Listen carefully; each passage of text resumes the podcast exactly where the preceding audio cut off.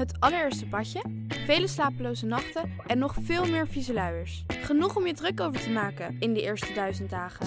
Dan wil je je niet ook nog eens druk maken over wat er in je babyproducten zit. Daarom houden wij het clean en simpel bij Naïef. Met zachte verzorging voor de gevoelige babyhuid. Zonder microplastics, minerale oliën en alcohol. Zo zorgen we niet alleen voor je baby, maar ook de wereld die ze hun thuis noemen. For your baby's baby's baby dus. Naïef. Dit programma wordt mede mogelijk gemaakt door Toto.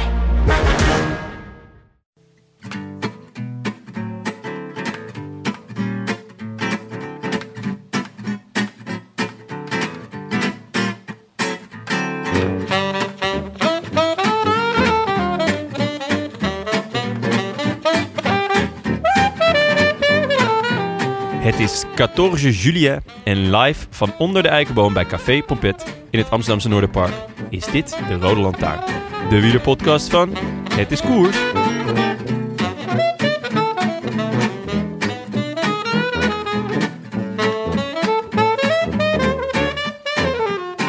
Hadden we staarten, dan zouden we deze dagen permanent kwispelen. Om maar eens een groot filosoof uit Amsterdam-Oost vrijelijk te citeren. Want mens alors, wat worden we verwend in deze Tour de France. Op vrijdag pakte Dylan Groenewegen dan toch eindelijk zijn eerste ritzege. En op zaterdag zagen we een van de indrukwekkendste solo's sinds Slash in November Rain. Toen Thomas de Gent eerst Alessandro de Marchi loste op een helling. En toen Pinot en Alaphilippe van zich afhield op weg naar de streep. En vandaag konden we bijna, bijna alweer een overwinning van een vriend van de show op ons konto bijschrijven. Toen je boy Tish met Nicholas Roach demareerde na een lange dag in de vroege vlucht. Maar dommage pâté de cacahuète, want Roach loste. Daryl Impey kwam terug en we weten allemaal dat hij kan sprinten als Satan. Je boy ging nog wel aan, de Zuid-Afrikaan counterde en je boy gaf zich gewonnen. Je geluk met de overwinning, Daryl Impey. Colleren, Ties. Colleren. Colleren en timen. En je kans geloven. You never know. Impie nerveus. Komt niks aan. Ja, je ziet pas de finishlijn. 400 meter. Je ziet de finish pas op eh, 150 meter van het einde. Een hele flauwe, flauwe bocht die een beetje naar rechts draait. 250 meter. Gaat we dat op de Frans? Hij doet dat. Hij doet dat, maar hij heeft het voelen aankomen. Hij heeft het voelen aankomen. Eh, zet hem hier wel achter zich. Maar daardoor kan hij hem remonteren hier bij het uitkomen van de bocht. En dan staat er geen maat op. Impie wint de etappe voor een prachtige benoot. I wish I could be in the south of France. In the south of France. Sitting right next to you. Jongens, daar zitten we weer, onder de eikenboom van Ja. Café Pompet. Met een beetje, beetje soort eh, eh, ruisende eikenbomen dit ruisende eikenboom. Is dat Ja. een beetje een, een fris windje? Ja. We hebben ook eh, dekentjes over onze benen heen gelegd. Vooral over jouw benen. ja, ik heb een korte broek aangedaan vandaag. Ja. Het was niet per se een, een gelukkige zet. Is dat om die, die, die keiharde, beaderde kuiten van jou nog één keer te benadrukken? Mm, misschien. Hey, heel even over Tish, hè? Want Ja. je, eh, Willem heeft het dan in de intro over je boy Tish. Mhm. Maar eigenlijk is het toch me boy Tish. Mijn boy. en in ja. het geval dat we tegen de Rode Lantaarnluisteraars praten, onze boy Tish. Oké. Ja. Of is het, wil Nee, je het graag... gelijk. Het is onze boy Tish. Nou, ik snap het als je gewoon denkt, ik doe de verantwoordelijkheid even naar de luisteraar toe. ja, als hij jullie tweede boy Tish. Als hij tweede, tweede wordt, dan wil ik er eigenlijk niks het mee te maken Het hebben. is natuurlijk vooral statement. mijn boy, Ties. Hè? Ja. Ah, het is inmiddels Oh, onze boy Tish. Ja. Ja. mag ik hem niet meer claimen? Nee, Oh, nee. ongelukkig. Nicholas Roach is nu van jou. Je, je boy Nick. Je dat boy Nicholas. is een matige wissel, zeg. Dat is een beetje Bosveld Robben. Ai, ai, ai. Goed. Nee, maar ehm, het is lekker hier in het, eh, in het eh, Noorderpark, ondanks, dat, ondanks de frisheid. We hebben net eh, nog een ander sportevenement zitten kijken met z'n allen. Man, man, De, man, de finale man, van Wimbledon. man. Jullie zijn Zo. allebei tennissupporters, toch? Nou, ik kijk eigenlijk al heel lang geen tennis meer. Behalve dus als Federer tegen Nadal speelt. Hmm. En in dit geval Federer, Djoko in de finale van Wimbledon. Ja, Ja, dan, eh, dan zet ik hem wel aan. oké. Nou, ik mag wel erg graag tennis kijken. Het was hier heel gezellig, want we hebben dus eerst met z'n allen wielrennen zitten kijken. Ja. En daarna gewoon eh, heel even mitrailletten tussendoor. En daarna het moeiteloos doorgeschakeld naar tennis. Ja. En eh, het was wel een eh, uitputtingsslag zo vandaag. Ja. Emotioneel dan. We waren allemaal wel teleurgesteld dat Federer niet won. Ja, Ja. ondanks dat ik eh, en van huis uit eh, ben ik Nadal-fan. En dat was wel grappig, want zat gewoon nog een Nadal-fan te kijken. Die overigens nu ook voor Federer was. Hmm. Waarschijnlijk Hmm. omdat Djokovic gewoon echt een zeldzame pisvlek is. Of mag ik dat, mag ik dat niet zeggen? Nou ja, Krijg ik dan weer wel. eh, Nee, nee, voor rectificaties? mij- we zullen zien. Nee, denk dat het is er knap. niemand- Je hebt het toch eh, zeven minuten volgehouden om niemand te schofferen. En je dacht, eh, ik De Wimbledon-winnaar is een mooie kandidaat.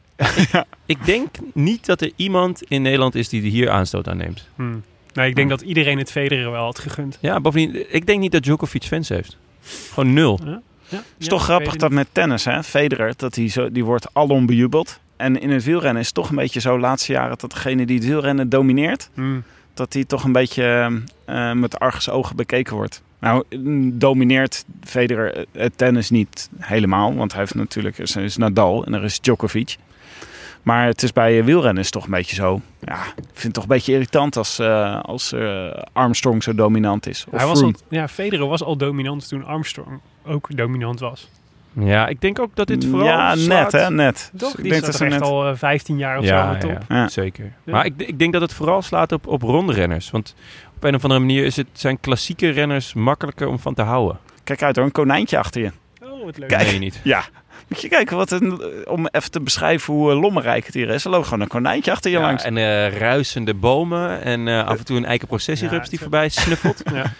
Om over die junks die En, lekker aan het hey, een leuke boomboxje aan, die lekker die boombox aan hebben. Helemaal Echt niks leuk, mee. echt leuk. Nee, het is echt prachtig. Hey, maar Tim, laat, jij, eh, nee, laat ik het anders introduceren. We hadden natuurlijk vorige aflevering over TJ van Garderen. En dat zijn losse, eigenlijk eh, het echte officieuze startschijn is voor de, de Tour de France van de klassementsrenners. Maar een ander vast eikpunt in de Rode Lantaarn aflevering is toch wel dat jij een referentie maakt aan het beste essay ooit geschreven over sport. Ja, En ik ben even bang dat je deze laat liggen. ja jullie, eh, jullie hebben hem volgens mij nog steeds niet gelezen. Roger Federer as a Religious Experience. David Foster Wallace. Hmm. Ja, eh, over, over de wedstrijd tussen Federer en Agassi. Waarin Federer een bal langs het net slaat, zo aan de zijkant. En eh, dat hele essay is opgehangen aan die ene bal die hij slaat. Oké. Dat is echt een fantastisch, fantastisch sportartikel. Maar elke keer als ik hem noem, ik denk ja, ik ben, word een langspeelplaat. Ik kan hem nu niet weer noemen. Zitten jullie me weer schaapachtig aan te kijken? Ik zal hem morgen, ik zal hem morgen in, de, in de, de tweets van de Rode Lantaarn zetten die de, die, de, die de aflevering aankondigen. Dan moeten mensen hem wel lezen. Volgende week, volgende week gewoon overhoring. Dat is Ja, Kerngedachte, Eh, maar openingszin, ik lees persoonsvorm. Twitter meestal niet deze week. Oh. Dus eh, als je het naar mij persoonlijk nog even kan appen of zo, Dat komt goed. zou wel lekker zijn. Dat komt goed. Jongens, hebben we nog eh, rectificaties, dan wel aanvullingen op de vorige uitzending? Kan ik me niet voorstellen. Nou, wij hebben het eigenlijk best wel goed gedaan. We kregen wel een aanvulling van Bart Vriend. Die zei over eh, matige pools in de eerste week. Nou, dat, eh, wij, hadden, wij zeiden zelf al, ja, pools moet gewoon sterk zijn in de derde week. Maar hij zegt daarom ook niet echt een rectificatie, maar een aanvulling. Pools wordt bij I- eh, Ineos, Ineos in de eerste koersdagen standaard gespaard en of, of, en of op een fiets met te weinig versnellingen gezet. Pas daarna mag hij los. Kijk maar naar zijn uitslagen na 10 etappes. In 2018 stond hij 58ste op 46 minuten. 85ste. Wat zei ik dan? 58. 58ste. Oh. Je Nee. bedoelde 85. 85ste bedoelde ik. In 2016 stond hij 51ste op 42 minuten. In 2015 114 op 53 minuten. Hij bedoelde maar, dit is gewoon eh Wout Poels. Maar dan ben ik wel Poels, heel eh, benieuwd naar wat hij dan in 2017 deed. Poels is gonna Poels. Ja, Toen was hij er niet, toch? Niet? Deed hij, volgens mij deed hij niet mee toen. geen idee. Maar Of toen stond hij heel kort. En Maar eh, de- de reden daarom dat hij niet nu, echt, ehm, komt het even niet uit. Daarom. de, re- de reden dat hij nu ehm, eh, slecht rijdt, was, of dat hij op achterstand staat, was dat hij onder andere, misschien hebben ze hem wel gespaard, maar hij was ook ziek. Zij Ja. meldde vanochtend dat hij, eh, dat hij zelfs had overgegeven en, eh, en, echt, en zich echt ziek voelde. En dat was eigenlijk was het, eh, hij was, ver- was zelf verrast over dat hij zo snel weer hersteld was. Want eigenlijk eh, was de kans eigenlijk net zo, als je zo ziek bent in de Tour, dan is de kans dat je herstelt eigenlijk niet zo heel erg groot. En dat leek hem toch gelukt te zijn. Dus dat was eh, goed nieuws voor Ja, Poels. ik En met- leerde er ook van dat hij zei van eh, de grens ligt eigenlijk bij diarree. Als je dan ook nog diarree erbij Oh. krijgt, dan, eh, Dan droog je sowieso dan, uit. eh, dan wordt er niks meer Met met, je- overgeven met bedoel je dus wel braken, neem ik aan. Niet dat je iemand kotsen. anders op kop laat rijden. Nee, nee, nee. Ah. Echt, nee. Ja. Noem je dat niet overgeven? Als je dat net met nette bewoordingen wil... eh, ik moet Ja, maar overgeven. is natuurlijk ook een wielerterm. Hè? Hm. Dus ik denk, ik duid het Is dat even niet meer voor ons. afgeven dan overgeven? Ja, ja Nou, je kan hem overgeven, Ja. kop overgeven. kop overgeven. Ja, toch?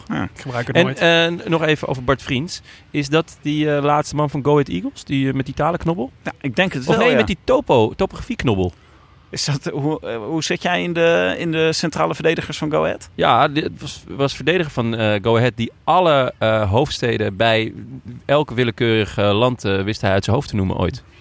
Bart Vriends klinkt als een naam die vaker voorkomt in Nederland. Ja? Dat geef ik eerlijk toe. Kan me niet voorstellen. Hey, ehm, Er was er eh, nog één. En, Ja, eh, er was een, oh, en het, het andere nieuwtje van Poels was natuurlijk dat hij een interview met, eh, ik geloof eh, Thomas Seidsma van het AD, toch min of meer een beetje, vond ik, liet doorschemeren dat het wel zou kunnen zijn dat hij volgend jaar voor een andere ploeg rijdt.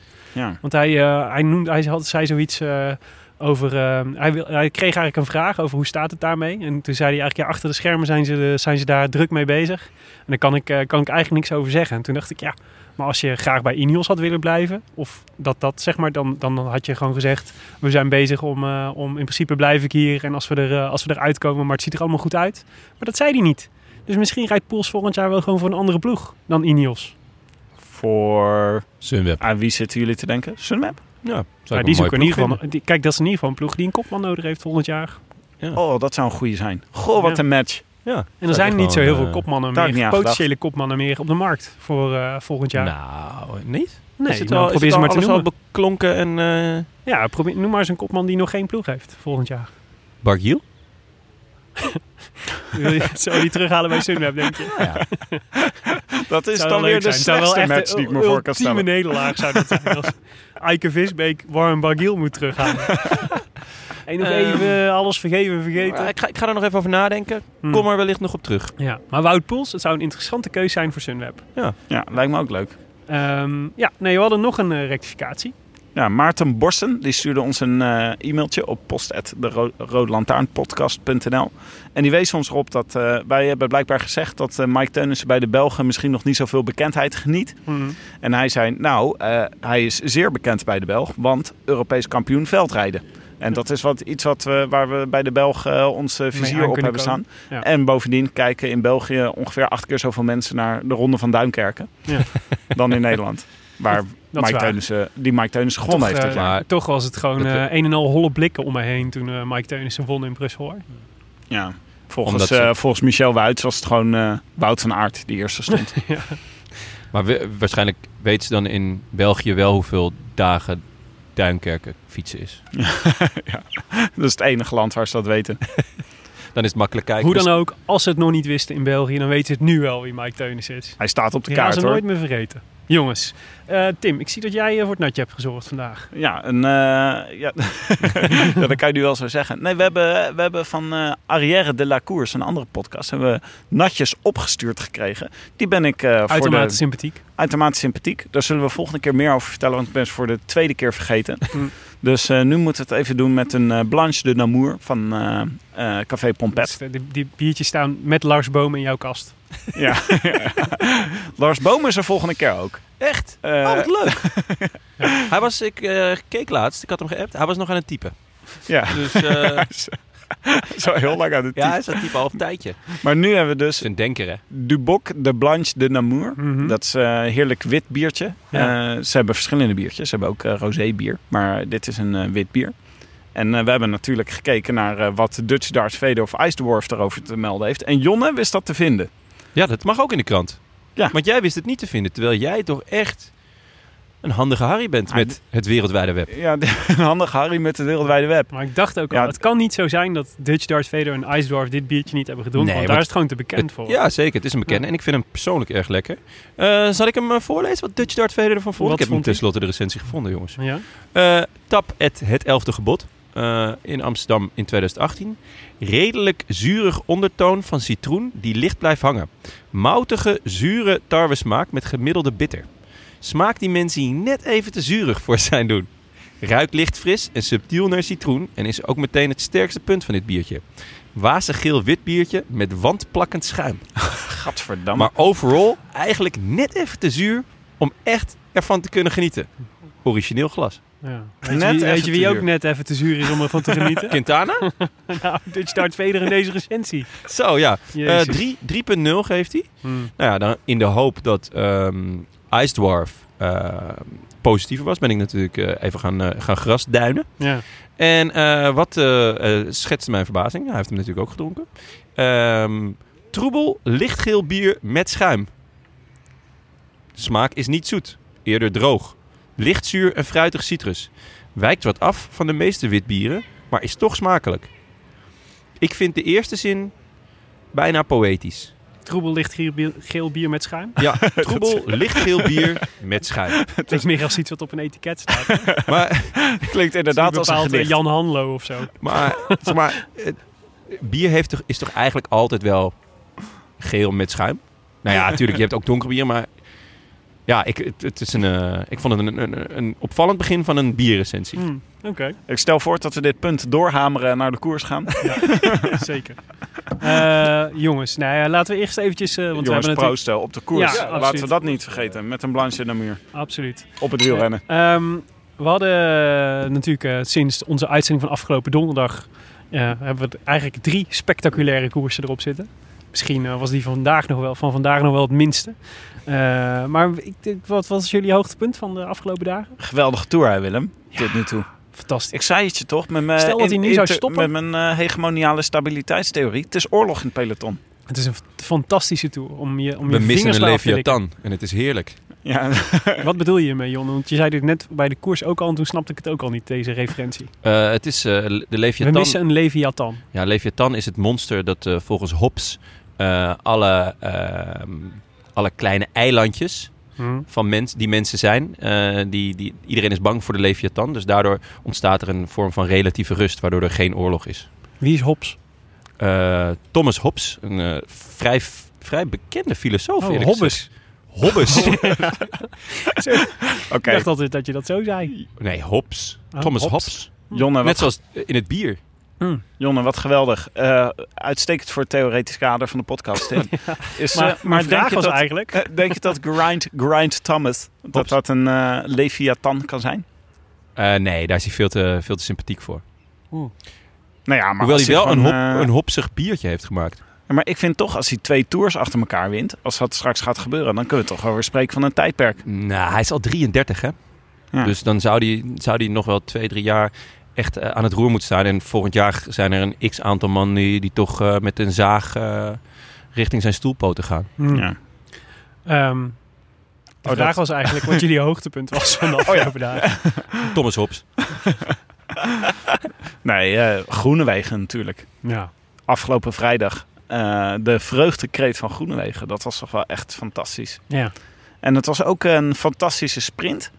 Alhoewel, ik, ik heb hem dus een paar keer teruggekeken. Ik dacht wel dat ehm, eh, Caleb Ewan ja. hogere snelheid had dan eh Groenewegen. Ja. Kwam, eh, een beetje... Hij deed een beetje raar. Hè? Zijn achterwiel kwam een paar keer los van de grond. Ik- Ja. Ewan heeft zo'n specifieke, zo'n zo'n stijltje dat hij helemaal voorover over zijn stuur heen gebogen zit. Maar volgens mij heeft dat dus tot gevolg dat je heel weinig druk hebt op je achterwiel. En dat het dus op, bij zo'n hobbelig weggetje omhoog, zeg maar, dat het zomaar kan gebeuren dat je hem dan kwijtraakt. Terwijl, ja, wat, wat verloor hij Sorry, op een wat kwijtraakt? Nou, dus dat Je je, wiel. dat je wiel omhoog Ja. gaat en dat het de, de, het contact met de grond verliest. Ja, het gebeurde ja. twee keer in zijn sprint. Ja, maar volgens mij verloor hij uiteindelijk met wat centimeter of 10 maximaal. Ja, dat is denk ik wel, dat is toch wel eh, dat verschil Ja. eigenlijk. Aan de andere kant, het schijnt ook dat door zijn houding heeft hij 50 25% Ja, minder luchtweerstand. Ja, Dus het, het is ook, hij traint er ook op ja. de- om op deze manier te sprinten. Omdat het gewoon... ja maar misschien lukt het niet voor elke weg. Nee. Ja. nee. Ja, Maar, ik was er eh, blij mee hoor, want ik was ook voor Groenewegen natuurlijk. Ja, was jij voor Groenewegen? Ja. Wow. Maar het was toch een eh, Caleb Ewan. Die is eh, on- ongelooflijk snel gaat hij. Eh, ook in eh, zijn ontwikkeling. Ja. Want het was toch een beetje een sprinter die eigenlijk vooral mee kon doen als de echte sprintkanonnen moesten afhaken. Als het net een beetje bergop ging. Maar nu heeft hij ook een topsnelheid. Die gewoon, hij kan gewoon wedijveren met Dylan Groenewegen. Ja, ik, ik, ik ben het hier niet helemaal mee eens, Tim. Ehm, ik, hij maakt een rare ontwikkeling door. Want het was, hij was altijd een sprinter die geen vluchtheuvel overkwam. Ja. Echt geen, letterlijk een beetje... mm, je- Gewoon Mare- tijdens de koers Ja. Maresco-achtig. En toen dit jaar ineens eh, werd hij tweede in die punch-etappe op Hattadam in eh, de UAE. En sindsdien is het een beetje van, oh ja, nee, die is meer voor sprints bergop. Terwijl die vroeger juist werd hij een beetje gezien als de nieuwe Cavendish, toen hij net, net kwam kijken. Van, ja, die heeft zo'n hoge topsnelheid en als het vlak is, dan ramt hij Ja. iedereen opzij. Maar dat lukte toen een tijdje niet. En nu lijkt het, toen leek het dus of hij meer heuvelachtig, ehm, ja, eh, heuvelachtige sprints moest doen, een beetje punchachtig.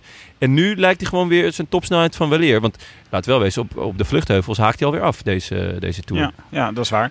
Eh, dus ik vind het... eh, goed punt. ja. Hij is nog jong ook, toch? Ja, hij is nog jong. Ja, dus we moeten oppassen dat we hem niet, eh, dat we hem niet meteen eh, afschrijven als hij niet meteen zeg maar topper is. Hij had een, een, Hij kan eh, had een jaren vervelend mee. jaar vorig jaar. Eh, waar zat hij ook Bij? Orica, Waar- ja, bij Mitchelton. Mitchelton. Ja. Ja. Ja. Ja, hij mocht naar geen enkele grote ronde. Eh, terwijl hij, hij had zich eigenlijk echt gericht op de Tour. Maar toen gingen ze daar ineens alle ballen op Adam Yates gooien. En ehm, nu is hij toen dus naar Lotto gegaan en won hij prompt twee ritten in de Giro. Hm. Dus eh, potentie zat. Eh laat wel wij zijn, hij rijdt echt, goed, echt een goed seizoen tot nu toe. Over. Lotto gesproken. Nog een hoogtepunt van de afgelopen dagen. ja. Was toch wel die andere geweldenaar. Thomas de Gent. Thomas de Gent. Ja. Ja, er is er wel veel over gezegd, hè. Maar wat ik wel echt indrukwekkend vind, was... Ik zag hem, ik hoorde hem na afloop volgens mij bij Vive le Velo... over hoe hij dan bezig is met tijdens zo'n vlucht na te denken... over hoe hij zo'n... ehm, ehm, hoe hij zijn eigen vlucht indeelt. En dat hij dan zegt van ja, ik weet dan op een bepaald punt weet ik, oké, nu zijn de mannen die op kop rijden, ik kan ongeveer, ik rijd ongeveer hetzelfde tempo. En ik weet wanneer ze op zijn. En dan moeten ze gaan zoeken in het peloton naar verse kracht. En dat is het moment dat ik weer moet toeslaan. En ik weet wat de momenten zijn dat, eh, dat ik hoe hard ik moet rijden om te zorgen dat ze, eh, dat ze op afstand genoeg blijven. En het is een soort Ja, eigenlijk combinatie van een soort pure kracht en een soort uithoudingsvermogen, maar ook gewoon de slimheid om te bedenken wat doen die anderen waar ik weer kan van kan profiteren. Ja, dat hij is wel echt een unieke mij, eh, combinatie. Volgens mij bedoelde hij dat als de knechten zijn leeggereden, ja. dan moeten de kopman het overnemen of gaan aanvallen of er moet iets Ja. gebeuren daar in het, eh, in het, eh, in het kopgroepje. Ja. En dat is het moment dat hij weer tijd kan pakken. Ja, Het is wel echt een specialisme dus, hè? ja, Echt, maar En hij is dus echt de specialist der specialisten inmiddels. Want ik kan Ja. me eigenlijk niemand bedenken die dit zo zo goed kan. op, op zo'n constant niveau. Ja, en ook die dan die ook soort van permanent als enige dat soort de wielerlogica van zo'n koers weten doorbreken. Want eigenlijk op elke, elke mogelijke manier zou je denken, eh, dit wordt gewoon, eh, ze gaan hem natuurlijk terugpakken, want ze houden hem zeg maar heel kort op een, op een paar minuten. En zo'n peloton weet echt wel wanneer ze moeten aanzetten. Maar hij, eh, hij, dat is dan zeg maar common sense. Maar hij slaagt er dan telkens in op een of andere manier om die common sense dan te doorbreken. Door gewoon gebruik te maken misschien wel van de common sense. En daar juist eh, ja, daarop door te surfen. Ja, ik vind het echt Echt een indrukwekkend. slimme renner. Ja, Is het ook niet een klein beetje achteraf invullen? Omdat hij ook heel veel ontsnappingen doet waar hij gewoon kansloos is. En bij de, bij de- als een van de eerste afvallers. ja, het mislukt Ja, natuurlijk wel eens. Maar het, het lukt hem verdomd vaak. Ja. En dat is wel echt, eh, nou ja, dat is te- ja, het, het, ja, het lukt hem te vaak om te zeggen dat het, dat het Ja. toeval is of zo. Het is gewoon ook niet dat. Groenewegen elke sprint wint. En daardoor een slechte sprinter is. Ja, maar je- het is niet met hagel schieten. Dus Nee, ja, maar misschien ook wel. Maar misschien is dat ook wel een kwaliteit. Ja. is, eh, het moet wel een feestje En zijn bij, eh, bij je- Lotto hè, op Ja. dit moment. Ja. Met, eh, met, met hem en met eh, de twee... eh, ze staan ook nog allebei kort voor de bergtrui. Ja. En met Caleb Ewan Ja. En Tisch vandaag. en Ties vandaag. Ja, ja, zeker. Nee, eh, Ja, er was wat kritiek in België, maar dat Ja. lijkt me nu wel verstomd. Ja, ook volgens mij niet e- op de prestaties van dit voorjaar. Volgens mij waren ze best wel kritisch. En, eh, en ook dat er een soort gemor is over dat Lotto er maar niet in slaagt om een soort van professionaliseringsslag te maken. Dus dat je dan bijvoorbeeld zo'n renner als Benoot eigenlijk daardoor kwijtraakt ook. Want die wil doorgroeien en dat kan eigenlijk niet binnen Lotto. En, eh, maar ja, ze hebben ze wel aardig in de mond gesnoerd, eh, vind ik. Ja. Met de Gent voorop. Ja. Nou, Benoot volgend jaar met Poels. Bij Ja. Sunweb. Leuk duo. Leuk duo, zeker. Ja, ik vond ook eh, in, de, in die etappe van gisteren die, de, de val van, eh, van eigenlijk half Ineos. Of, eh, en met name Geraint Thomas die eh, een soort salto mortale maakte. Een wat? salto mortable Oh, Ja. oh ik dacht al. maakte die. En eh, die, ehm, ja, het is wel een wonder dat Mooie hij daar niks... eh, ja, het, ja, het was een... het ja, dat was een mooie foto. Maar het was een wonder dat hij niks brak. Nou, hij, is- hij raakte de grond niet. Ja, nou ja, op de foto. Nee, überhaupt niet. hij heeft de grond nooit geraakt. Door, hij viel op ehm eh, Moscon. Oh, oké. Dus nou, daardoor had Ah, hij wat niks. een mazzel. En zijn fiets was dus echt helemaal in tweeën. Nee, dat was niet zijn fiets. Of was dat, dat, was de, fiets van Moscou. van Moscon? Ja, Ja. inderdaad. Zijn Daardoor fiets was nog, gewoon, eh, was nog gewoon heel Ja. zelfs. Alleen zijn Ja. ketting lag eraf. En die heeft Kwiatkowski erop gelegd. Ja. Handige pol als het is. is toch vervelend Daarvoor voor... ne- eh, daarom neem je ze mee, hè? Oh jongens, dit gaat rectificatie. Ik hoop dat we... Ja. Denk dat we niet heel veel Poolse luisteraars hebben, maar het zou zomaar kunnen. is toch jammer. Nou, ze- ik ze vond had- het ook... Ineos zat in een heel slecht hotel met hele slechte badkamers. Heeft hij ook gefixt. Kwiat.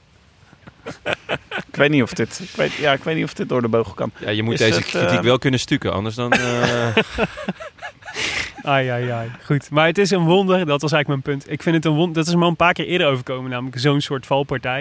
En het is ook een talent om dan niks te breken. Of omdat, het is ook gewoon een, het is natuurlijk mazzel dat hij dan op Moscon belandt. dit is gewoon pure mazzel. Laten we wel Ja. Thomas heeft al zo vaak iets gebroken. Het is Ja, gewoon maar best wel een denk je dat als Richie Porte in dezelfde situatie had gezeten, dat hij dan op de rug van Moscon was beland? Nee, die had... Die was tegen die muur gevlogen. Ja, ja, waarschijnlijk wel. Ik was ook, eh, ik verbaas me ook dat ehm, Wood, eh, dat, het daar, eh, dat het daar nog relatief goed mee ging. Want eh, Ja, veel schaafwonden wel. Ja, en, ja, die gleed uit en daar vielen ze overheen. Ja, en Ah. wel zielig voor hem, want hij verliest een kwartier. Terwijl hij eerder op zijn fiets zat dan, ehm, dan Thomas. Ja. En dat kwam omdat dus blijkbaar zijn, eh, zijn, zijn mechanieker... eh, hij, hij had geen Kwiatkowski, eh, geen handige pol bij zich die even de boel eh, Nee. fixte.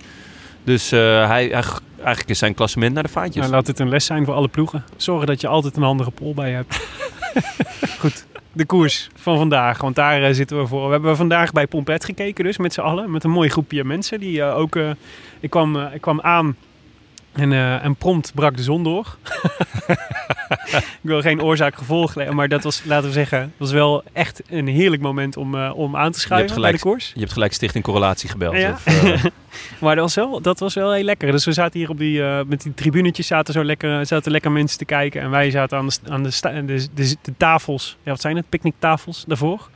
En eh, dat was lekker toeven, was het. Een beetje borrel-etappe hè, was het vandaag. Zo'n beetje zo, Ja, ja, echt een borrel-etappe. eh, Dat vooruit, peloton maakt niet veel haast. Ja, Laten we nog een eh, Blanche de Namur bestellen. ja. Jouw, eh, jouw man, we komen straks natuurlijk op de voorspelbokaal. Maar jouw voorspelling, Niels Poliet, voor vandaag, die, was, dat was de eerste die een vluchtpoging ondernam vandaag. ja, ik- misschien had hij me gehoord of zo. Dacht hij, ik moet gelijk gaan. Maar Ja. toen dacht ik, ja, het is een beetje, een beetje vroeg. Niels? Gisteren was natuurlijk de, de, de allereerste vlucht was meteen de goede. Dus ik denk dat vanochtend heel veel renners hebben gedacht... we moeten zorgen dat we in de allereerste... dat we zo gauw het, eh, het, eh, de, de, de neutrale zone uitrijden... Dat we, dan, eh, dat we dan mee zijn. En het was inderdaad volgens mij... er waren veel pogingen om weg te komen. Het was nog vrij vroeg dat die eerste, dat die eerste groep zich vormde. En ja, er was een groep waar eigenlijk alle ploegen wel een beetje vertegenwoordigd in waren. Die mee hadden willen zitten. Ja, Wil jij, veel, ze, wil jij ze even voorlezen? Wie veel erin Belgen. zaten? Ehm, Alweer veel Belgen. veel Belgen, maar even alle veertien. Benoot zat erbij, Boas van Hagen, Simon Clark, Anthony de la Place, Ivan Garcia, eh, Co- Cortina, is dat, eh hoe heet die? Ivan Ivan Garcia Cortina. Eh, Jan Tratnik, dat is die ene die zo mooi over dat, eh, over dat wiel heen sprong. Eh, waarvan iedereen dacht Oh ja, dat het een Nibali Van. Bahrein. Weet je nog? Van Bahrein. Dat is Ja. een mooie scène. Eh Herada zat erbij, Impy, Tony Martin, eh, Oliver Nase, Twee vrienden van de show. twee vrienden van de show. Pustelberger, Nicolas Roach, Roman, Romain Sicard en Jasper Stuyven. Ja. En eh, achteraf zeiden de Belgen ook dat ze wel even met elkaar besproken hadden. Nou, zou toch, als we met zoveel Belgen zitten, dan moeten we even een Belg winnen vandaag. Ja, zeker. Stijve benoot en Naassen. in principe vindt de Belg dat altijd, toch? Ja, dat is... jongens, we zijn van start gegaan met zoveel Belgen. Er moet nu wel een Belg winnen. Zeg. Het was bijna gelukt. We zagen een, eh, een, eh, een eh, stevige valpartij. Of tenminste, ik zag hem niet, maar ik zag de beelden na afloop Ja. van de Marquis. De vluchter eh, van gisteren. Het zag er niet goed uit. Was En- geen feest. Nee, en die... eh, Hij lag echt zo'n soort van buiten bewustzijn, lag hij daar. Maar dat, achteraf zeiden ze dat hij niet, dat hij wel Hmm, bij bewustzijn was. Dus nou, dat het minder erg was dan het leek. ja, Maar eh, zure ja, manier om de Tour te verlaten. Ja. Ja. Ja. Dat was jammer, want ik had eigenlijk best wel nog veel van hem verwacht. Hij was deze in Tour. vorm. Hij was eh, lekker veel aan het aanvallen. Ja. Dus hij eh, voor CCC eh, echt een aderlating. Hmm. Goed, maar eh, ja, die, die kopgroep die eh, mocht al vrij snel eigenlijk uitlopen. Naar eh 12 minuten. Ja, dan weet je eigenlijk al wel van eh, met zo'n groep, dan hebben ze in ieder geval een goede kans. En het peloton leek het eigenlijk wel te geloven voor vandaag. Even een, eh, even een rustig dagje weer. En ehm, op zo'n 45 kilometer voor de streep, eigenlijk was de eerste, de eerste aanval vanuit het groepje.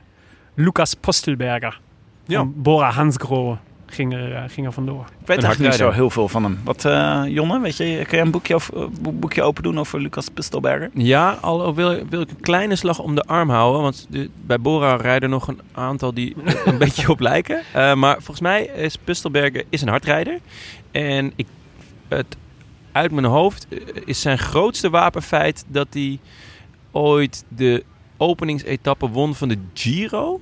Door een late uitval in de, eh, in de slotkilometers. Ja, zeker. 2017. Ja? Heel goed. heel lekker. goed, Jonne. Halleluja. Werd er En, live ehm, gefactcheckt? Hij werd live gefactcheckt. En eh, weet je wat ook een leuk feitje is over Lucas Postelberger? Nee, Het is ook, eh, hij was ook in 2009 Oostenrijks kampioen veldrijden bij de junioren. grenzenloos geil. Hier hebben we ook alweer een veldrijder te pakken. Ja, nou, en eh, hij, ja, ik weet dat hij echt heel hard kan fietsen. Voornamelijk, dus een beetje tijdrijderachtig. Ehm, hij probeert het wel vaker om eh, in, de la- in de slotkilometers eh, het peloton te verrassen. Ja. Dat is een beetje Maar dit was wel vroeg. Dit was een, eh, vroeg, te vroeg om te verrassen in ieder geval. Ja, 45 kilometer. En eh, hij hield het toch nog best wel lang vol. Bouwde Ja. een minuut, tot volgens mij maximaal een minuutje voorsprong. Ja. Of iets minder. Zeker met de rest die in de kopgroep zat, was dit ook wel een beetje wat hij moest proberen, toch? Ja, om de sprint had hij het niet gewonnen. En, nee, eh, en met die bergjes die er nog aan zaten te komen, Ja. moest hij een beetje voorsprong nemen. ja. En wij zaten dus lange tijd naar Pustelberger te kijken. We haalden gewoon nog een biertje. En weet je wat, ook een mitriat erbij. Ja.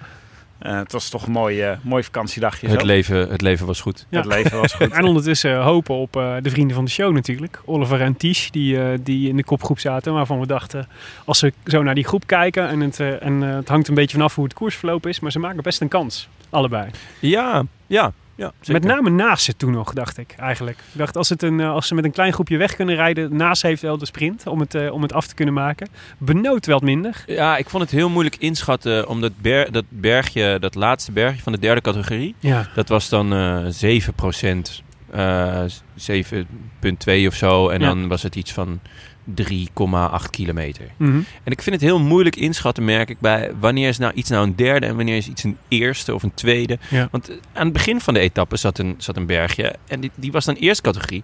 En die was wel, die was ongeveer even lang en die was dan 2% zwaarder. ja. En ik denk, ja, oké. eh, blijkbaar wordt dat dan ineens twee categorieën hoger ingeschat. En ze zeiden je dus dat dit een derde categorie was. Maar uiteindelijk is dat wel het moment eh, waarop eh Benoot en later ook Impi eh, eh, Het echt het- verschil maken. Ja. Terwijl op een derde categorie denk je toch dat jongens als, als Nase nog mee moeten kunnen komen. Ja, Dus ja. het vertekenen een, beeldje, be- een beetje. Ja, zeker. Nou, volgens mij bleek daar, want dat, dat was, die laatste klim was het dus, werd het, was het bal. Dus Postelberger werd bijgehaald. En ehm, eerst door Roach, die, eh, die aanging. Nicholas Roach van Sunweb. Ehm, ook wel eens leuk om die eh, voorop, eh, voorop te zien rijden. Maar al vrij snel daarna zagen we dat, dat, dat Tisch eraan kwam. En ehm, achteraf zei iedereen, het was overduidelijk dat Tisch Benoot de sterkste in de groep was. En ehm, het feit dat iedereen dat wist, is wel een, was niet zo handig van hem. nou, maar het, was, het leek ja, heel dat even te zijn, zo te zijn dat Tish met eh, Roach naar de finish Ja. eh, zou gaan rijden. Ja. En dat was een mooie uitgangspositie Benoot. Roach was fantastisch. Ja. Ja. Maar wel jammer dat je dan op een gegeven moment achterom kijkt... en dat je ook nog die bakkes van eh Daryl Impey Ja. erachteraan ziet. dat, ja, deed hij, dat deed hij verdacht dat goed, was- die Impey, hoor. Ja, de. Impie was daar heel sterk. Ja, je gaat Absoluut. het toch veel liever met een kakkelak naar de streep dan, eh, dan met Impi. Ja. Bedoel, je, dat, bedoel je, zet je Roach nou weer als kakkelak? Is dit nou weer nodig, Het is Engels voor kakkelak, Roach. Oh, oké. Sorry, ja. Ik zag, eh, meestal als eh, Leon van Het is Koers niet aanschuift... ga ik niet uit van de woordspeling. Maar het is nu toch eh. Hoeveel uh, Blanche Namur heb je op, Tim? Beetje rozig. een beetje roos. Hij was net al weggedommeld, wat, eh, Weggedommeld bij 12 games. het is eigenlijk dubbel, hè? Dus de, Vijfde de- set. dus ja, de situa situatie 1 is dat Ties Benoot samen met Nicholas Roach op kop rijdt. Dan denk je, dit is uit, uitermate gunstig voor, eh, voor Ties, want hier kan hij mee naar de streep en die kan hij eraf sprinten als hij wil.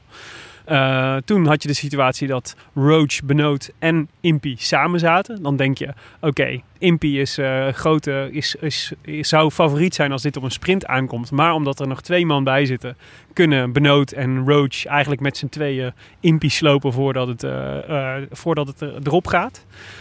En de derde situatie, en dat was de minst gunstige voor Benoot, was natuurlijk dat, je, dat Roach moest lossen. En Benoot en Impy samen kwamen te zitten. En dan is er nog maar één iemand die Impy in de gaten moet houden om te zorgen dat het een eindsprint wordt en hij kan winnen. Dus het was, eh, hij had wel pech ook. Als Roach erbij was gebleven, dan, was het een, eh, dan, was, dan had hij echt beduidend meer kans gehad. Ik zoek dan zo vaak... Ik, eh, het is dan, ik zoek zo vaak naar scenario's waarop je nog zou kunnen winnen. Ja. Want op dat moment, als je daar met... Als je Impy er niet af weet te rijden op een klim... en eh, je hebt nog, wat is het, 14 kilometer of zo te gaan... Ja. Ja, dan is het toch, dat is toch hopeloos. Daar kan je niks tegen doen. Want je gaat hem op het vlakke. Ga je, ga je niet bij hem wegfietsen. Nee, Ja. maar ja. Nou ja, dat is, dat is interessant. Want je, kijk, ik denk, eh, ik snapte niet zo goed waarom Benoot bleef meewerken met Impy.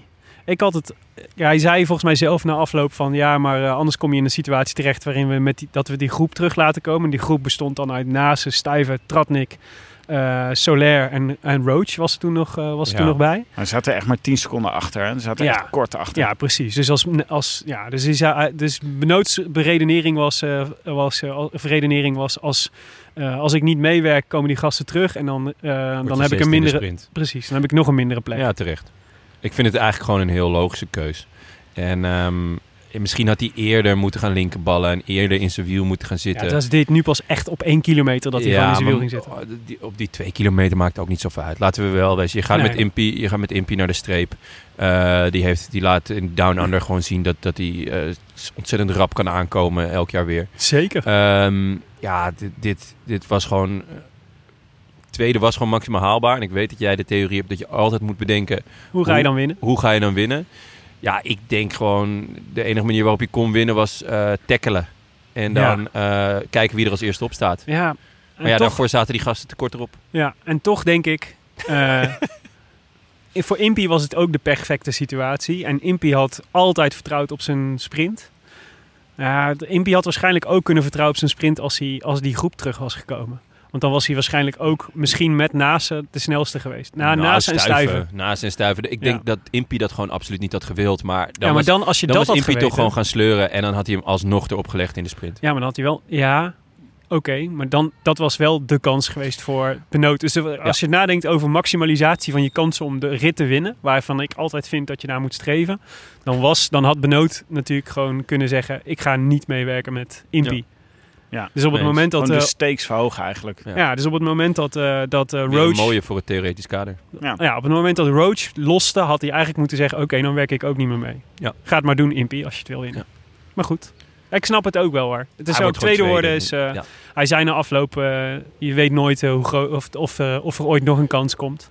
Maar ik ga ervan uit van wel. Ja, en, en hij heeft toch ook in, in, toen wij met hem spraken een paar maanden geleden, zei hij ook van ja, ik ben geen veelwinnaar. En dat komt omdat ik toch, als ik wil winnen, moet ik echt alleen op de, op de streep afgaan. Ja. En ja, dan he- met Of Roach. met een kakkelak. Ja, of met een kakkelak. Ik vond de sprint eh, was ook eh, vrij... eh, het was, daar Impie hoefde niet echt zijn best te doen. Even één keer aanzetten. Ja, was één keer aanzetten. Benoot en dan gaat probeerde hij hem te, harder. ja, Benoot probeerde hem te verrassen, maar ja. Ja. Goed. Jammer We zagen nog wel eh, op, het, op het, eh, het laatste bergje waren zij niet de enige die actief waren. Ja, oh, we zagen nog een ontsnapping van de klassementsman. Het verbaast me eigenlijk. Ik dacht, die gaan vandaag niks doen. Lekker borrelen. Maar eh, ineens reed... eh, Lekker borrelen, net als wij. Mitrailletten erbij in het peloton. Met kerstworstjes. eh, maar ineens, ineens reed Bardet reed weg. Ja, het is natuurlijk zijn geboorte, geboortedorp waar, waar ze finishten vandaag. En eh, dus zijn streek. En eh, het is ook nog de 14e van juli. Ja. Dus eh, Bardet wilde zich laten zien. Het was een, ehm, het was een ontsnapping waar weinig pit in zat.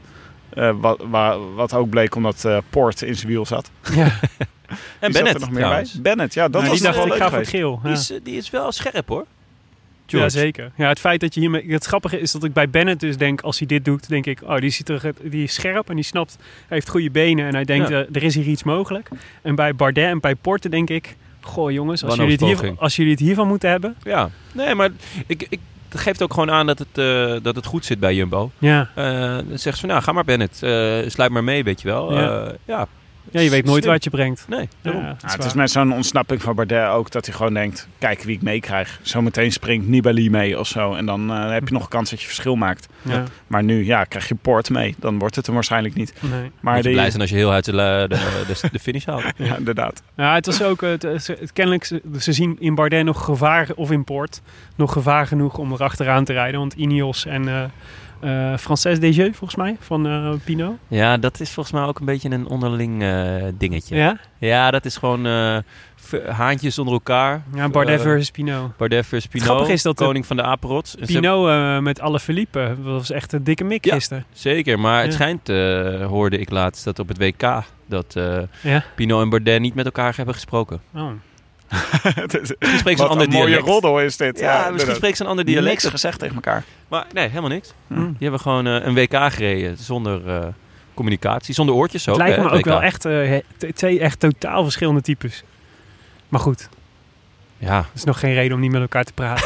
wil je zeggen. wij zijn, ik wou net zeggen, wij zijn ook drie totaal andere types. en toch en, zitten we en hier. hier zitten we. Wie, is dan, wie zou er het beste liggen bij de Fransen? Is, ik denk toch Pinot. Hè? Dat Pinot b- beter ligt bij de Fransen. Maar dat Bardet over het, over het geheel gezien misschien meer kans maakt om de Tour te winnen. Maar de afgelopen jaren is Pino wel verguisd, omdat hij zoveel in Italië heeft gekoerst. Ah. Hij, hij vond het hij had moeite met de druk die, eh, die in Frankrijk eh, Ja. op hem lag naar die, eh, naar die podiumplek. Ja. En eh, daardoor heeft Bardet het wel heel vaak in zijn eentje de, de Franse hoop moeten dragen. Misschien dat hij hem dat ook wel een beetje verwijt. En alle Philippe lijkt me wel heel populair, maar die rijdt natuurlijk niet voor een Franse ploeg. Dus dat zal wel moeilijk liggen. Nou, dat denk ik. Ik denk dat ze daar niet moeilijk over doen. Hmm. Als je, als Leer je mij de. Fransen kennen. Ja? Ja. Vertel. Nee, die, die, vinden dat, die vinden dat Fransen voor een Franse ploeg moeten rijden. Ja, Meer nog dan wij Nederlanders voor een Nederlandse ploeg. Ja.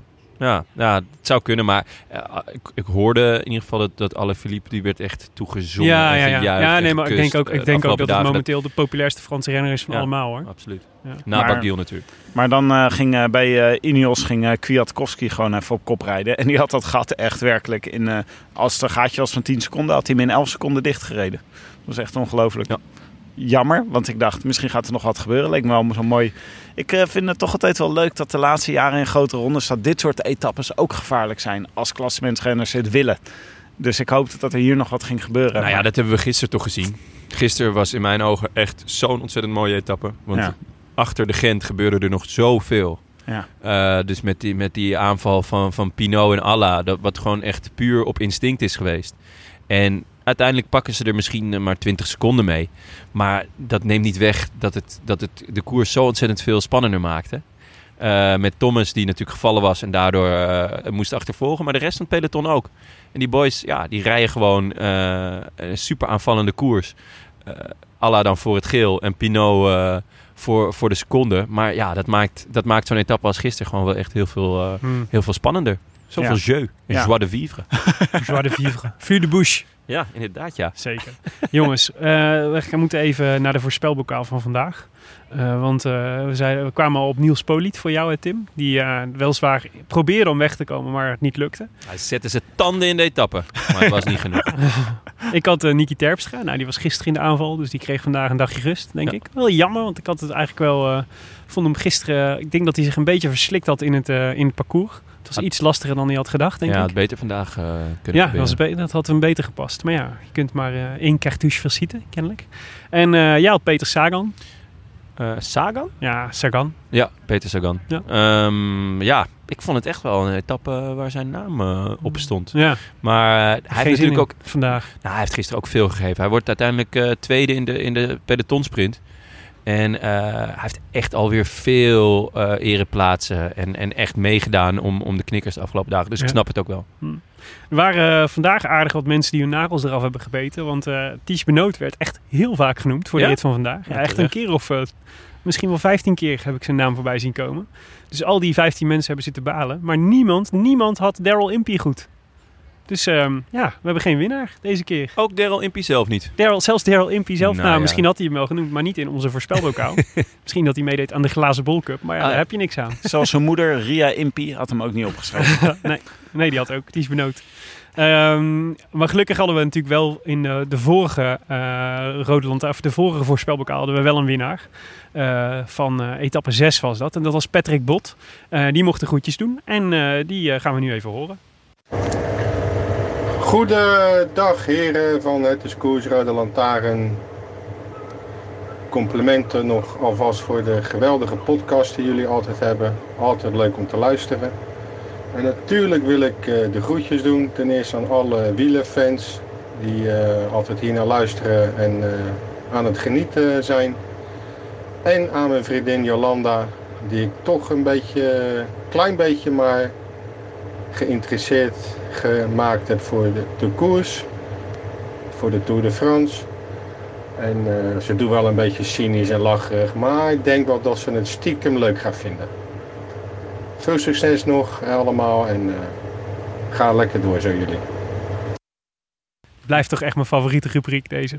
De groetjes. Mensen de groetjes mogen doen. Ja. Wat een heerlijke groetje, Patrick. Echt lekker. Goed. Ehm, de volgende voorspelbokaal, jongens. Die eh, gaat over de, voor de etappe van aankomende donderdag. Naar Bagnères de Bigorre. Dat is de twaalfde etappe van de Tour de France. Dat is de, eigenlijk de eerste Pyreneeënrit. Eh we starten in Toulouse en we gaan eh, onder andere de eh Peressourde over. Bekende, bekende berg. En de La Hourquette. La Hourquette d'Anquizan. Rijden we naar Bagnères de Bigorre. Bigorre, ik weet het eigenlijk niet. Ik wou, net, 200, ik wou net zeggen dat je Frans echt exquise is. Ja. Maar dan Ja, ja, toch weer zo'n hupje. vlak voor de meet Je gestruikeld. gooit toch je eigen ruit in. Ja, dat is jammer. Sorry, sorry. Ja. Je eigen fenêtre. Eh, dommage. 209,5 kilometer. Dat is wel een zware rit en leuk, eh, want de Pyreneeën, de Pyreneeën in helaas wel met een finish bergafwaarts in de afdaling. Nee, Maar ja, dat hoort juist, nee, dat hoort juist in wat, waar we het net over hadden. Over dat dit soort ritten dus blijken altijd leuker te zijn dan verwacht. ja, nou, dat is leuk dat je het zegt, want de vorige, waar kennen we deze rit van? Eh, deze rit kennen we van de aanval van ehm, Chris Froome bovenop de Peressourde. Die met Sagan in die eh, gekke afdaling eh er vandoor ging. In het geel en in het groen. Nou ja, toen nog niet. Volgens mij pakte hij toen het geel. Ja? of had Oh, hij dat, toen het geel al? dat zou ook kunnen. Of, nou, nee, ik, volgens mij ik dacht, pakte hij daarmee het geel. ik dacht dat, dat het in het geel en het groen was. Maar Mm. eh, dat, eh, Nou, we gaan straks de foto's opzoeken. Ja, maar, maar dat was in ieder geval die, eh, die legendarische etappe. En die, wordt, eh, die hebben we nu dus weer. Met dezelfde, de finish op dezelfde plek. Eh, dus eh, ja, de, de toffe eh, volgens mij voor de voorspelbokaal. Dus, ehm, ehm, ja, er wordt even... Oh ja, het, de, blijft allemaal live tv, hè? Ja. allemaal gerecycled hoor. wordt het. Tim, wie moeten we opschrijven voor jou? Ja, het is echt zo. Dit is zo onvoorspelbaar weer. Het is echt moeilijk om dit te voorspellen. Zeker een paar dagen van tevoren. Want er gaan vast weer mensen vallen of beter staan of slechter staan in het algemeen klassement voor die tijd. Maar ik denk in de buurt van Spanje. Ehm, iemand die voor een etappe-overwinning eh, mag gaan. Misschien iemand die al een beetje achterstand heeft, zodat hij mag rijden. Ik denk Balberde. Alejandro. Oké. Jonne? Ehm, ik ga voor eh Alain Philippe. Eh, ik heb hem, het is natuurlijk met een afdaling. En we hebben hem eh, deze week alweer zien afdalen. Toen hebben we volgens mij geopperd om er muziek onder te zetten. Want het was zo mooi. Nee, Hans van Zetten ronde. Ja, Hans van Zetten. Ook, ja, dat misschien nog wel beter, ja. Goeie. Of Guns Eh, N' Roses? November Rain? Moi. Moi. Nee, dat kan iets- hartstikke goed. Zeker als hij klassieks. solo gaat. Oké, ja, nee, dan wel. Eh, dus ik... eh, het, en het is nog niet het, het top van het topgebergte. Hè? Dus het is eerste categorie nog. Ja. Eh, Het zijn ook maar twee ja, bergen. niet super lang in klimmen ook. Eh, dus mits het niet een, eh, de kopgroep het niet haalt, dan, eh, dan zet ik mijn geld op eh, Julien Alaphilippe. Oké. Ik denk wel dat de kopgroep het haalt. En ik denk dat eh Ties Benoot zijn, eh, nou, zijn fout wil ik het niet noemen van vandaag. Dat Revanche. zijn revanche pakt op eh, vandaag. En eh Ties Benoot gaat, het, gaat hem winnen. Leuk. Je boy Ties. Ja. Onze boy Ties. Mijn Ja. boy. Dat zou leuk zijn. Dan is het weer jouw boy Tish. Meedoen kan via de Rode Lantaarn op Facebook. En like die pagina dan meteen even. Maar het mag ook via de Voorspelbokaal. Hashtag Voorspelbokaal op Twitter. Ja, dan is er op dit punt altijd even een eh, ingewikkeld puntje van de orde. Maar ik ga hem toch maken. Hm. Want eh, onze sponsor, de fiets van de show, is natuurlijk Canyon. Als je een, eh, tijdens de tour kan je een Canyon voorspellen en dan krijg je gratis Bikeguard. Als je de kortingscode Ton Garçon, waarvan de eerste eh, O een 0 is en de T is een kleine letter, Ton Garçon. Als je die gebruikt, dan eh, krijg je dus gratis Bikeguard en je krijgt het rode lantaarn. En gratis verzendkosten. Eh, ja. Ja. Oh. En ehm, ehm, je krijgt het Rode Lantaarn prijspakket waar allerlei leuke dingen in zitten van Canyon, maar ook dingen van ons. Zoals een foto van Nairo Quintana voor aan de muur. en, ehm, En het nieuwe boek van Benjo Masso. Ik dacht dat er Over leuke de- dingen in die, de- in die, eh Het is een hele leuke zaten. foto van Nairo. ja, het is Ja? echt, eh, Ja, ja, ja. ja. Dat hij lacht. Hij staat achter een muur. Met zijn met zijn kenmerkende glimlach. Ehm, en, ehm, ja, en het boek van Benjo, nieuwe boek van Benjo Masso. Wat Ja. echt een hele leuke schrijver over wielrennen is. Ja, uit, het, zeker. eh, uit het wielerfonds van Atlas Contact. Eh, en eh, dat prijspakket, dat kan je dus ook winnen als je meedoet aan de voorspelbokaal. Ja. Maar dan mag je ook nog de goedjes doen in de Dan mag je ook nog de goedjes Ja, maar doen. dus de aankomende donderdag hebben we dus geen goedjes. Daar ga ik eens iets op verzinnen. Ja. Zullen we vragen Mensen of- suggesties hebben, dan eh, moet je maar even... moet je, hit me up op Twitter. Ik zou graag de groetjes van Robert Geesink willen. Die Ja. heeft, eh, daar zitten we al lang op te wachten. Ja. Ja. Ik zal het hem nog eens vragen. Misschien, eh, ik ben benieuwd hoe het met hem en zijn eh, fruitmand gaat. Jonne, ehm, ik snij dit onderwerp niet graag aan. Eh, maar het moet, want het staat in het draaiboek en ik ben een professional. Ja? Ja, ik ben een professional. Sinds wanneer? Ik Ja, bewonder jou hier zo om, Willem. Ja, Wat is de stand van zaken in de Scorito-pool? Oh, de Scorita-pool. dat is leuk. Ja. nou, eh, dat, gaat, eh, dat gaat gestaag verder. Eh, tuurlijk zijn de eerste pannenkoeken nog steeds voor de kinderen. Mhm. Maar Willem, als, eh, ja, al- als, als de eerste pannenkoeken voor de kinderen zijn, dan ben jij wel echt een bejaarde. Want eh, je staat 2807e. Zeker. Wat bijna knap is met een vol, volwaardig team. Ehm, Tim staat na een matig weekend van de, is hij van de 800ste plek naar de 1480ste plek. Wel met een mooi aantal punten, 2008 punten. En ik, ja, jongens, het zal je niet verbazen, maar ik sta gewoon weer in de top 1200. Eh, ik sta op Is dat de- je doel? Was dat je doel voor de Tour? eh, Top nee, 1200? de top 1150 wou ik eigenlijk eh, halen. Ah, oké, ja. En, oh, ik sta op- gewoon op de 1145ste plek. Eh, met Ga je 2000... hier nou tof over doen dat jij op de 1145ste plek staat? Echt nog net met je, met je hak in het linker rijtje? Is het zo dat als ik drie keer mijn punten doe, dat ik dan op jouw punten kom? Dat weet ik niet. Ik weet, ik weet wel hoe de Andersom. vorige keer af. Andersom, ja. Eh, je- ge- ge- eh, behaalde resultaten in het verleden bieden geen enkele garantie voor de toekomst. Goed. Nou, en joh. geld lenen kost geld. absoluut. Ja, en roken kan de gezondheid ernstige schade toebrengen. Inderdaad, vooral Jongen, voor al die kindertjes. Wie, eh, wie, staan er, wie doen het wel goed? Eh, de Flame Boys, uiteraard. Oh, of zal ik bij drie beginnen? Oeh, ik heb het nu al Oh, weggegeven. ik ben benieuwd wie er op één staat. Op eh, drie staat Sander Jonkers van, eh, op, met 2484 punten. Oh, dat is allemaal binnen Sander Jonkers is het team van Sander Jonkers, hè? Echt? Ja. Wat een rare naam. We hadden mensen opgeroepen om zo origineel leuk mogelijke teamnamen in te zenden. Sander Jonkers is daar niet in geslaagd. Sander Jonkers ken ik al jaren, dat is super zakelijk. Gewoon Sander Jonkers is Sander Jonkers. Ja. En daar, daarmee basta. Nummer twee is daar iets beter in geslaagd. Jury Burry van Duran Koopmans.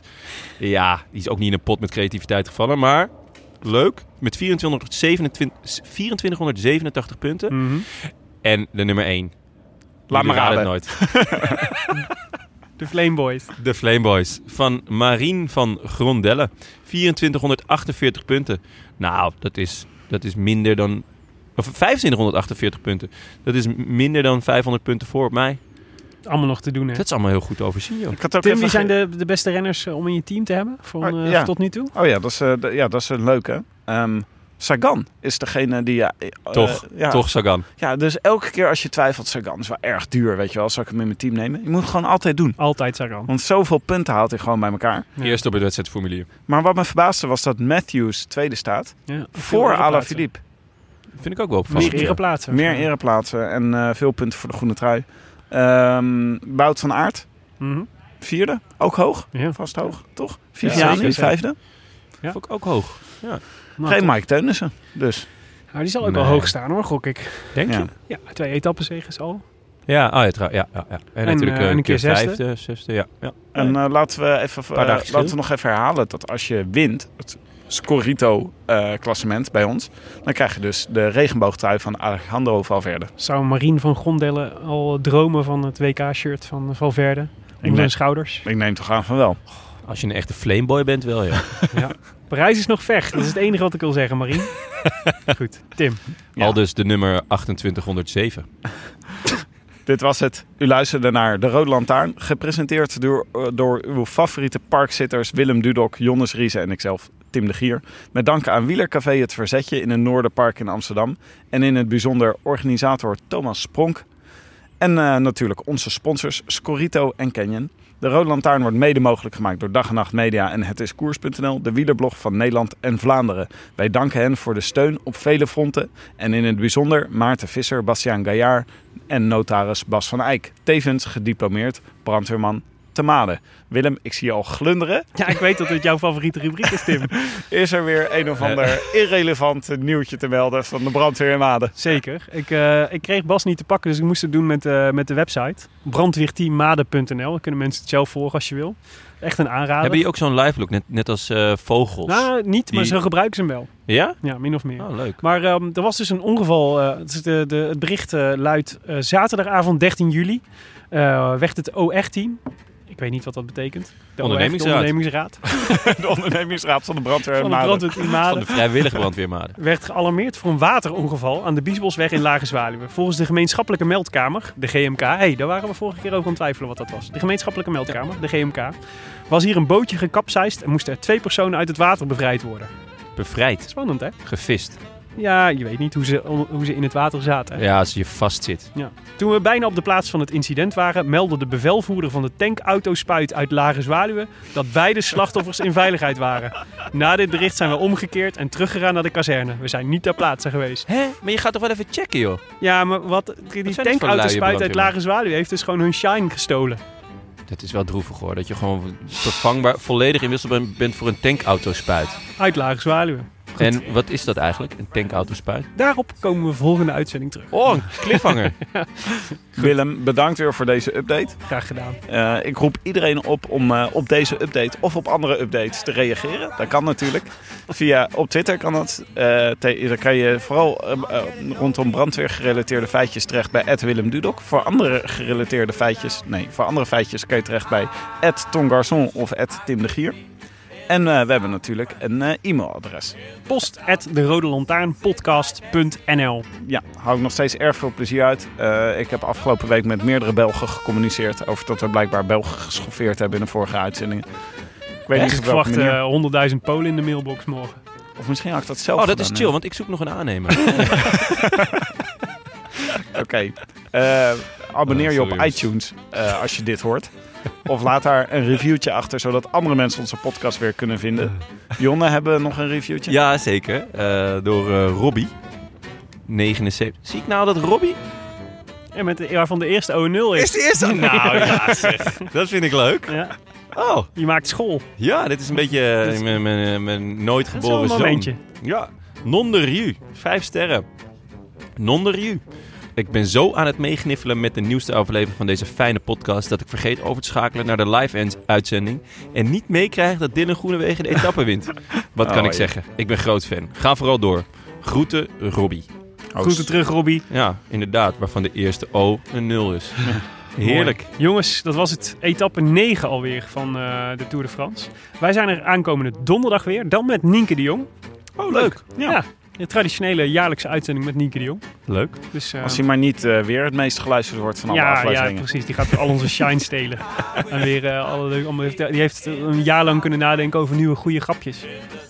Voor, ja, laatste keer hadden we het over de, de hele uitzending over John Degenkolf. Omdat ze toen net eh bevallen was. gekregen. ja. En waarschijnlijk zal ze ook weer de anekdote naar boven halen dat ze vechtfamilie is van Bauke Mollema. Ja, daar kunnen we het ook ook weer op hebben, over hebben. Hartstikke leuk. Wij zijn er dan donderdag weer. eh, ook weer vanuit Pompet na afloop van de etappe. A biento, jongens. A. I wish I could be in the south of France. in the south of France, sitting right next to you.